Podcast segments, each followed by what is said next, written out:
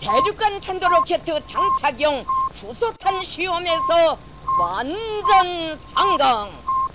Atomprogrammet på 440 Hz. Science is interesting, and if you don't agree, you can fuck off.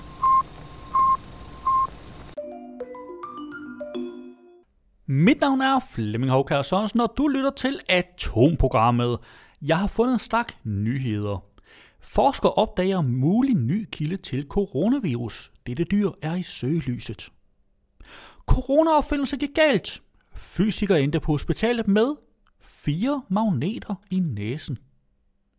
Jordskælvsforskere forbløffes. Sygdommen har gjort kloden stille. Sol eller regn? Corona gør din vejrudsigt mere usikker. Og så skal vi have en, der ikke er en coronanyhed. Vi skal have aprilsnar. Hvor stammer traditionen fra? Vi har jo rundet den 1. april i denne uge. Og så slutter vi selvfølgelig af med NASA's ugenlige nyhedsoversigt This Week at NASA.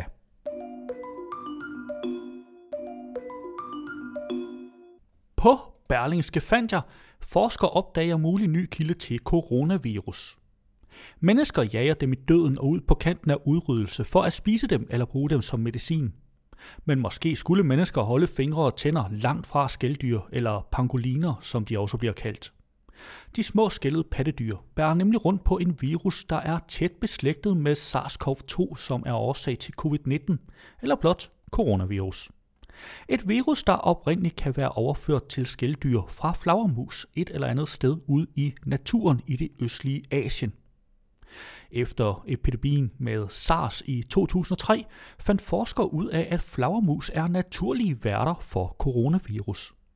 Siden da har forskerne ifølge fag, fagtidsskriftet Viruses fået kendskab til flere end 30 forskellige coronaviruser knyttet til de flyvende pattedyr.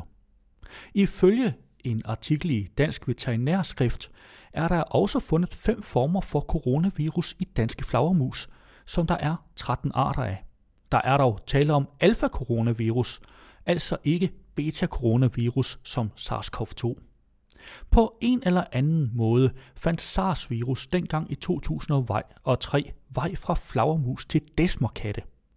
På kinesiske markeder med levende dyr og mennesker tæt sammen formåede virus fra indfanget og vilde desmerkatte at mutere eller rekombinere, så det kunne tage springet til mennesker.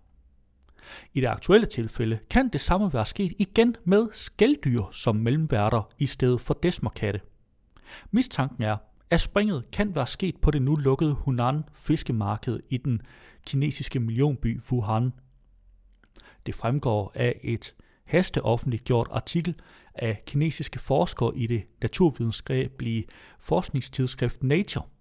Forskerne har analyseret en række døde sunda- og malajskældyr, konfiskeret af tollere i det sydlige Kina. Ifølge kinesiske forskere er det dog også mulighed, at skældyr selv er naturlige værter for SARS-CoV-2. Indtil videre er skældyr, bortset fra flagermus, de eneste dyr, der dokumenteret er inficeret med coronavirus beslægtet med SARS-CoV-19, skriver forskerne. Det er bemærkelsesværdigt, tilføjer de, at der er fundet beslægtede coronaviruser i skældyr i forskellige provinser i Kina. Dyrlæge i Københavns Zoo, Mads Bertelsen, siger, at skældyr antageligt altid har været bærere af coronavirus. Han er dog umiddelbart mest tilbøjelig til at mene, at flagermus er de oprindelige kilder til det SARS-CoV-2, der har udviklet sig til en pandemi. Men det kunne tyde på, at der er sket en rekombination, en form for mutation i skældyr. Problemet er, at det reelt set kun behøver at springe fra dyr til mennesker én gang, siger han. De kinesiske forskere understreger, at ingen af de med SARS-CoV-2 beslægtede viruser fundet i skældyr har lige præcis de samme egenskaber som den coronavirus, der aktuelt er i stand til at trænge ind i og inficere menneskelige celler. Men bekymringen er, at disse RNA-virus kan være hurtige til at mutere, akkurat som de ofte rekombinerer og danner nye hybridvirus. Det betyder, at to forskellige former for coronavirus kan blive til en helt tredje virus med nye egenskaber og nye muligheder for at smitte til andre dyr og måske også mennesker. Berlingske har beskrevet, hvordan giftslanger i en tidligere forskningsartikel er blevet sat i forbindelse med overførsel af coronavirus fra flagermus. Et resultat, der dog er draget i tvivl. Forskningsresultatet i Nature kan have stor betydning for håndteringen af såkaldte zoonoser som covid-19, hvor dyr er den oprindelige kilde til den sygdom, der rammer mennesker. Disse dyr, skældyrene, er af stigende betydning og interesse, fordi de er mest ulovligt handlede pattedyr. De bliver spist, og deres skæld bliver brugt i traditionel kinesisk medicin, står der i Nature-artiklen. Forskeren tilføjer, at disse dyr skal håndteres med særlig omtanke, og at salg af dem på markeder bør være strengt forbudt. Kineserne beskriver, hvordan skældyr kan være vigtige værter for disse viruser, hvilket er overraskende, da skældyr er solitære dyr i populationer af relativt lille størrelse. Opdagelsen af flere forskellige stammer af coronavirus og ligeledes med SARS-CoV-2 i skælddyr tyder på, at de skal betragtes som mulige værter for ny coronavirus, og de bør fjernes fra ferskvaremarkeder for at forebygge zoonotiske overførsler, skriver de i Nature. Hos dyrlæge Mads Bertelsen er det værd at bemærke, at skældyr også er efterstræbt for deres kød og skæld i afrikanske lande som Nigeria, hvor de er voldsomt på retur. På verdensplan er der 97 skældyr i anerkendte zoologiske haver, heraf to i tyske Leipzig, oplyser Mads Bertelsen. Du kan selvfølgelig finde et link til hele artiklen i show notes. Jeg var en tur forbi Ekstrabladet, hvor jeg fandt Corona-opfindelse gik galt. Fysiker endte på hospitalet med fire magneter i næsen. Internettet er fyldt med forslag til, hvordan du kan holde dig beskæftiget under coronakrisen. Men en australsk astrofysiker endte på hospitalet efter at fire magneter sad fast oppe i næsen i et forsøg på at opfinde et apparat, der skulle forhindre folk i at røre ved deres ansigter og herved mindske spredningen af coronavirusen. 27-årige Daniel Reardon var ved at bygge en halskæde med en inkorporeret alarm, der skulle advare ved ansigtskontakt, da uheldet opstod i sidste uge. Ifølge The Guardian havde forskere fra Melbourne, som normalt studerer pulsarer og tyngdekraftsbølger, ikke meget erfaring i at bygge elektroniske kredsløb, men ville angiveligt alligevel give det et skud for at mindske kedsomheden ved sin selvisolering. Jeg havde en reservedel, der registrerede magnetiske felter.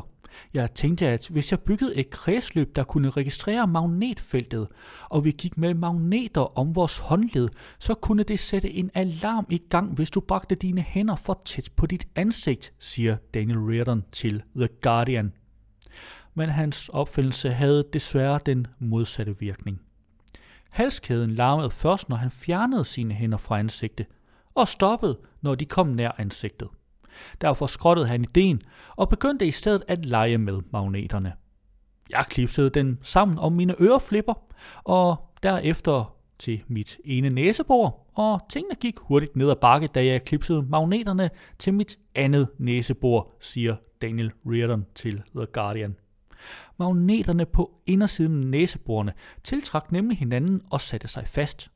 Han prøvede at trække dem ud uden held. Løsningen var flere magneter, tænkte forskeren, som i stedet endte med at have fire magneter siddende fast i næsen. Så måtte hans partner køre ham på hospitalet. Lægerne syntes, at det var ganske sjovt at komme med kommentarer som, det er en skade på grund af selvisolering og kedsomhed, siger Daniel Reardon til The Guardian. To læger anvendte en bedøvelsespray og fjernede manuelt magneterne fra Reardons næse. De fik tre ud af det venstre næsebor, mens den sidste faldt ned i hans hals. Heldigvis kunne han hoste den ud. Astrofysikeren har udtalt til Guardian Australian, at han ikke vil lege med magneter og ansigtsrørende eksperimenter mere – i stedet vil han nu finde andre måder at få tiden til at gå på. Du kan selvfølgelig finde et link til artiklen i CEO notes, og det er til at grine af ham. På Berlingske har jeg fundet jordskælvsforskere forbløffes. Sygdommen har gjort kloden stille. Vores planet brummer og vibrerer væsentligt mindre i denne tid. Det kan jordskælvsforskere tydeligt måle på deres instrumenter coronavirusen har slukket for en stor del af den menneskelige støj. Kloden er blevet stille.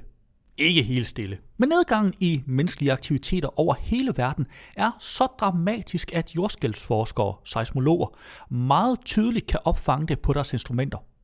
Vores planet brummer og vibrerer simpelthen mindre. Væsentligt mindre. Forklaringen er naturligvis den aktuelle og historisk omfattende pandemi af coronavirus, der har lagt nation på nation ned.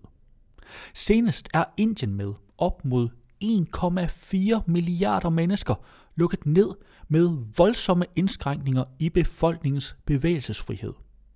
Samtidig er stort set hele Europa og Nordamerika gået i stå. Og i Sydamerika og størstedelen af det østlige Asien er aktivitetsniveauet faldet dramatisk som følge af frygten for smittespredning. Aktuelt er næsten halvdelen af verdensbefolkningen ramt af nedlukninger i en eller anden form. Det er, som om jorden både i direkte og i overført betydning har fået feber og er gået i seng. Ifølge den belgiske seismolog Thomas Lecoq er et så voldsomt fald i jordens baggrundsstøj noget, man normalt kun observerer ganske kortvarigt lige omkring juleaften. Men nu har den relative stillhed stået på i ugevis, og den skyldes med al tænkelig sandsynlighed et kraftigt fald i menneskers normalt meget larmende aktiviteter. Bil- og togtrafik, gravemaskiner, trykluftbord, industrimaskiner. Den ret kraftige brummen kan opfanges af seismografer, jordskælvsfølere, i form af målinger af små vibrationer i jordens skorpe. Men nu er den ellers normalt vedvarende og højlytte brummen i jordskorpen faldet med omkring en tredjedel i Belgien, forklarer Thomas. Som han siger til Nature, der er virkelig blevet stille nu i Belgien. Stilheden rummer også en fordel for seismologerne, for derved kan deres instrumenter, seismografer, pludselig opfange væsentligt flere af de små og ikke mærkbare mikrojordskælv, som der hver eneste dag er tusinder af i klodens skorpe. Også på andre områder kan instrumenternes øgede følsomhed vise sig fordelagtig, herunder i form af målinger af små seismiske advarselssignaler fra vulkaner, der måske er på vej i udbrud. Belgien er ikke det eneste land, hvor man har målt den jordiske stillhed. Det gælder også i USA's næststørste by, Los Angeles. Der er mere i artiklen, og du kan selvfølgelig finde et link til artiklen i CEO notes. På ekstrabladet fandt jeg sol eller regn. Corona gør din vejrudsigt mere usikker. Ikke nok med, at coronavirusen har begrænset mulighederne gevaldigt for at rejse og i det hele taget gå uden for en dør. Nu begynder den også at få indflydelse på vores vejrudsigter.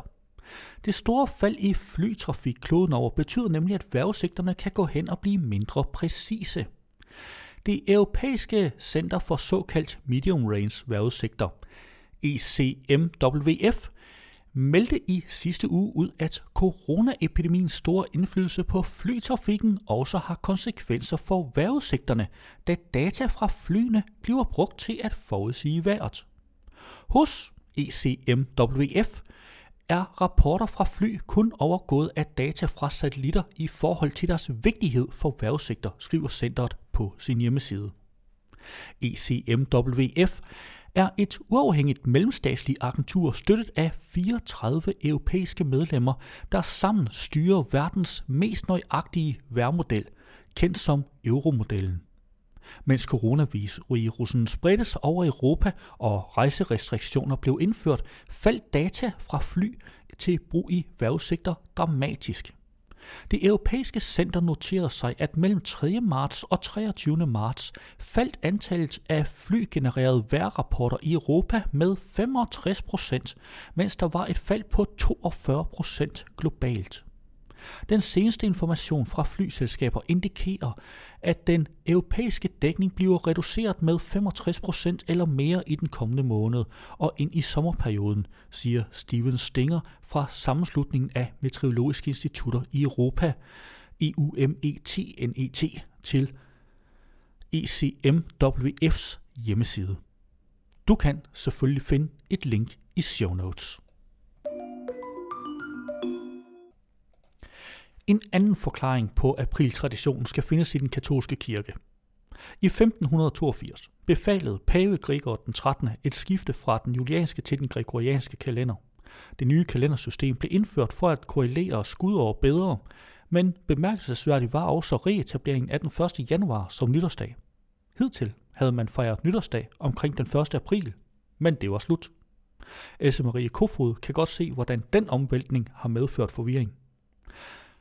Der kunne sagtens hænge noget i det med kalenderreformen, fordi folk simpelthen havde glemt, at det var nytår der, siger hun.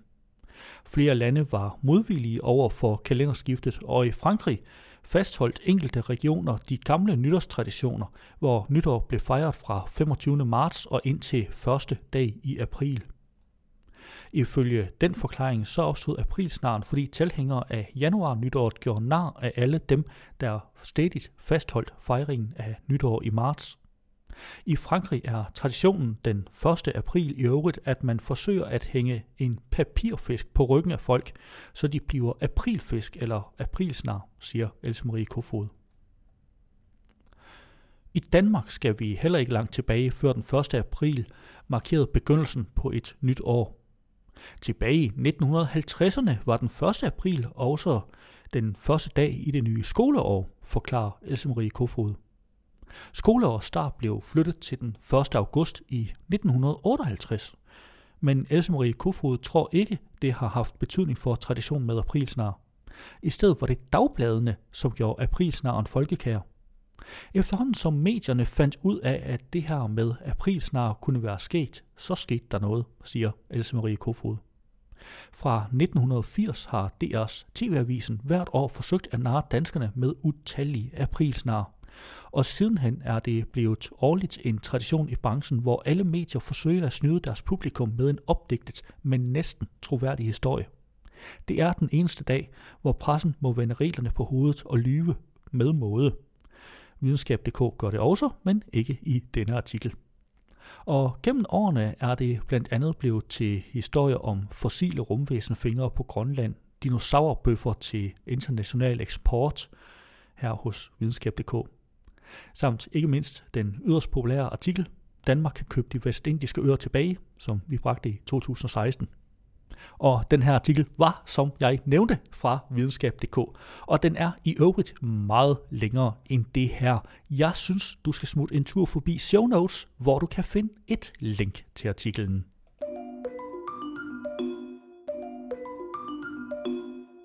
Og det var så her, vi normalt skulle have This Week at NASA, NASA's ugenlige nyhedspodcast.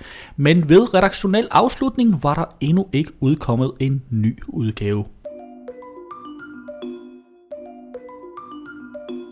Det var jo, hvad jeg havde for i dag. Vi løs ved næste uge, samme tid, her på kanalen.